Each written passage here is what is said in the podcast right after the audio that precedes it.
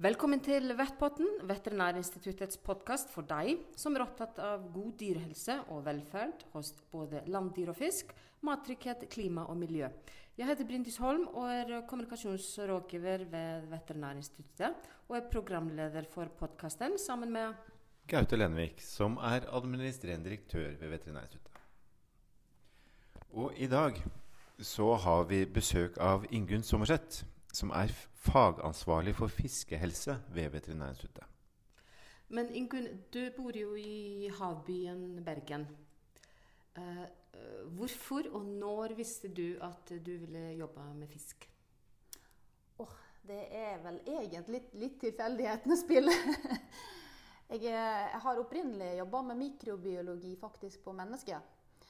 Uh, men mye med teknikker og uh, Om du har en mikrobiologi mikroorganisme som går på menneske eller landdyr eller fisk, så er det mye de samme teknikken eller mye samme kunnskapen som ligger bak. Så litt tilfeldig så endte jeg opp med å ta en doktorgrad på Havforskningsinstituttet. Eh, I en tid da man skulle satse på marine næring, andre marine arter, da var det oppdrettskveite. Eh, så jeg jobba da med et virus på oppdrettskveite, og falt jo helt for denne kveita. For den har personlighet. Den kan både være surmulen og grinete, og, og, så blir den jo ganske svær, da. Så, så da, da, var jeg egentlig fanga.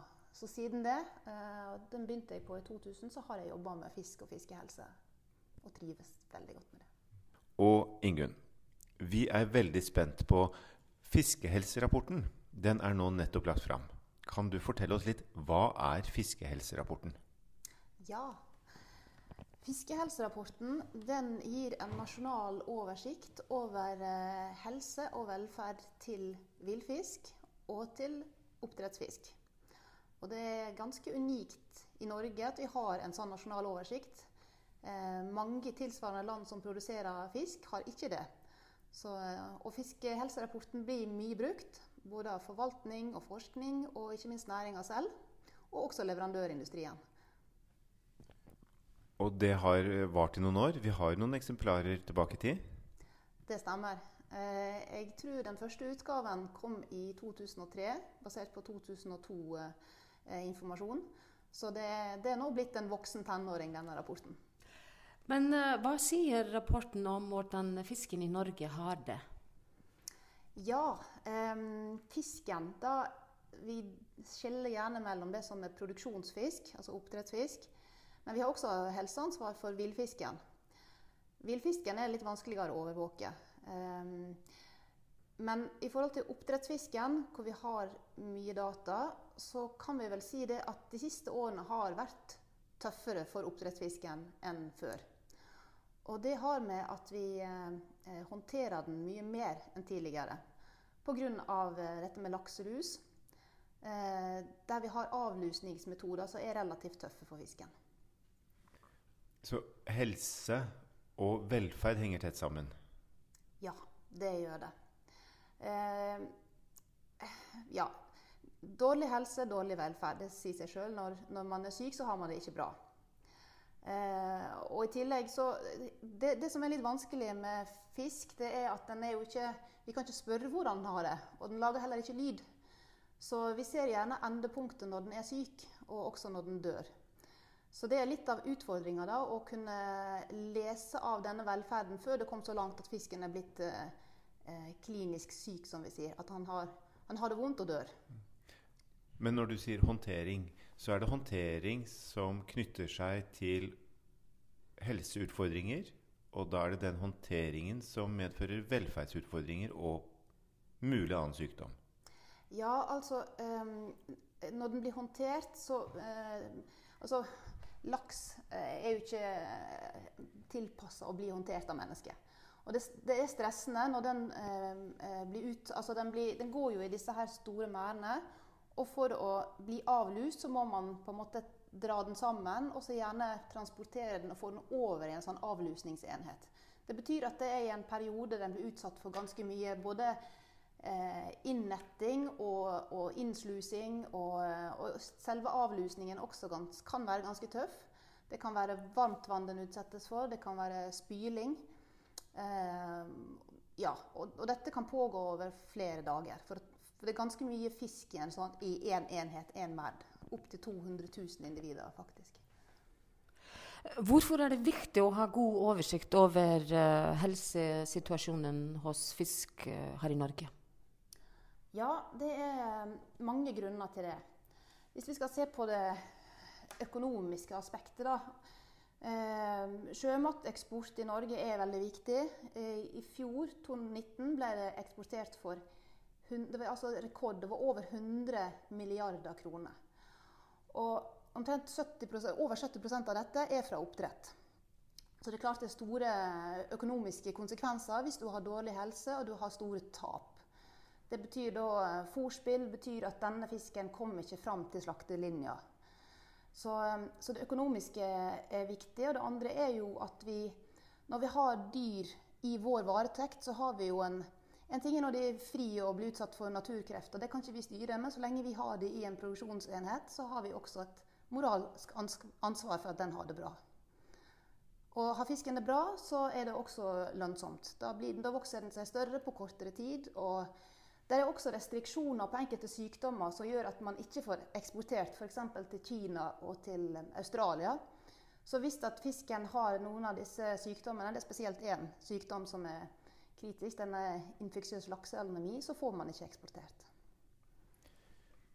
Nå har vi jo vært innom det som er litt utfordrende, men det er jo noen uh, suksesshistorier også knytta til uh, akvakultur og lakseoppdrett. Og antibiotika er jo noe som fortsatt mange kanskje tenker er en utfordring i norsk lakseoppdrett, men det er det ikke.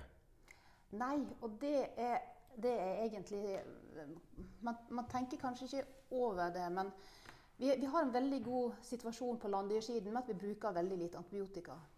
Men faktisk i forhold til eh, oppdrettslaks og oppdrettsørreten så er situasjonen enda bedre. Vi bruker ekstremt lite antibiotika.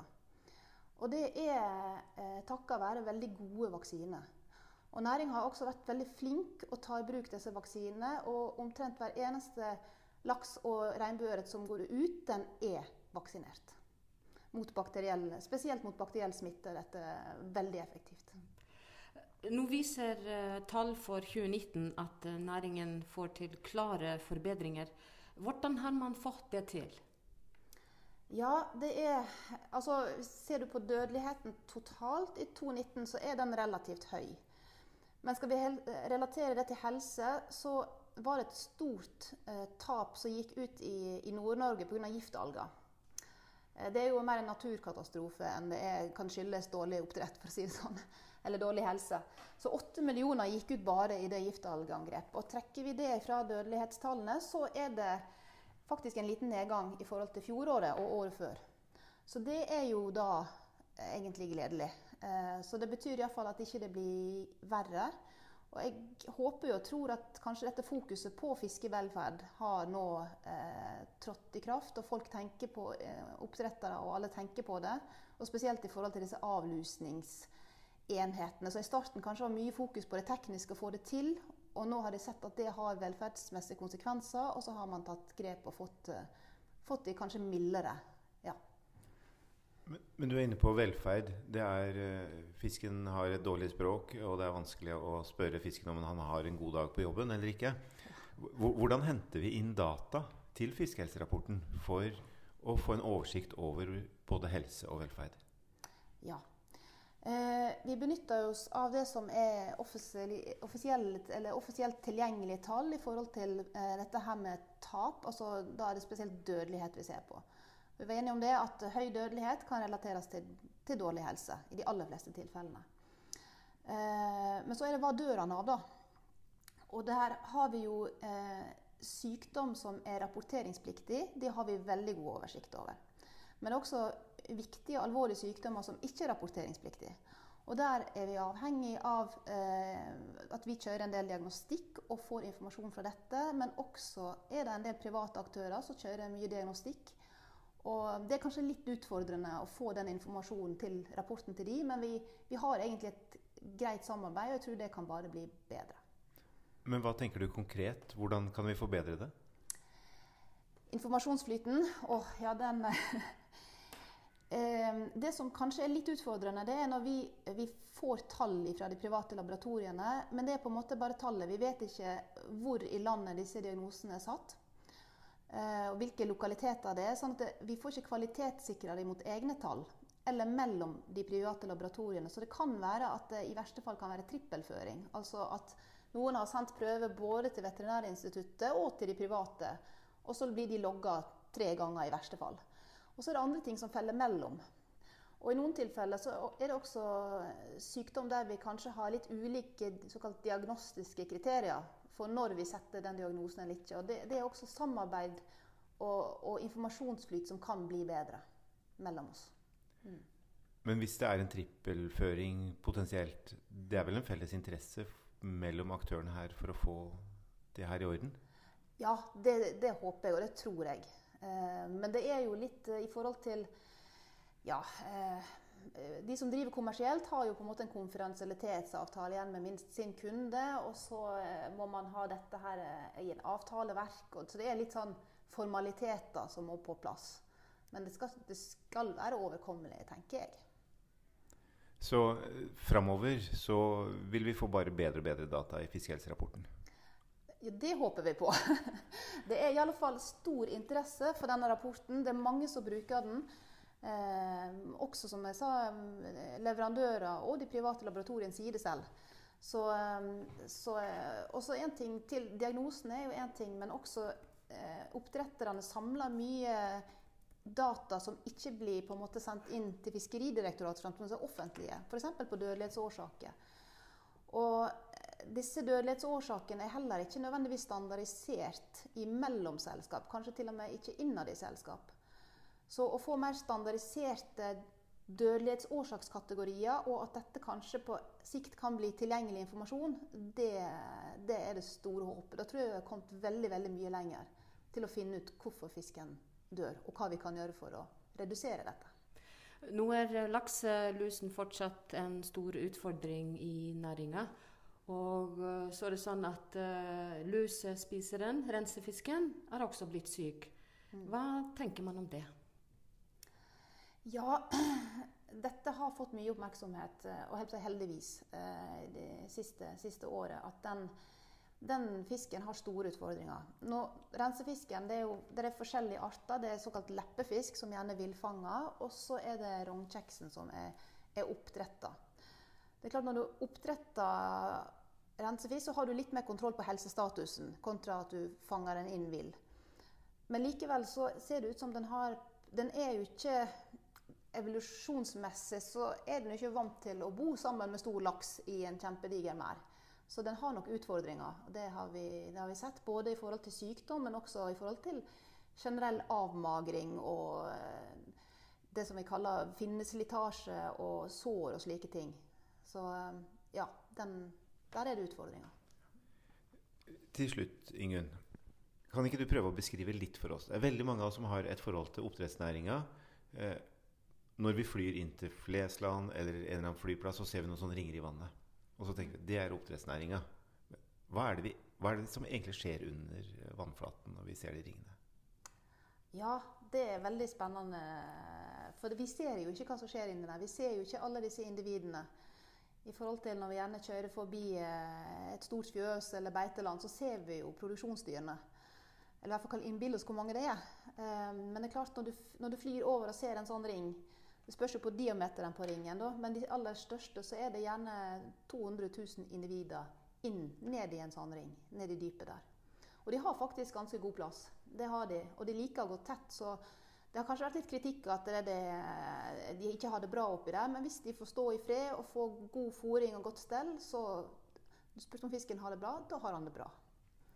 Da sier vi tusen takk til Ingunn. Og så håper vi at all laks og alle kveiter i hele landet tenker litt på Ingunn, og er glad for at hun er på jobb. Fordi. Takk, Ingunn. Tusen takk.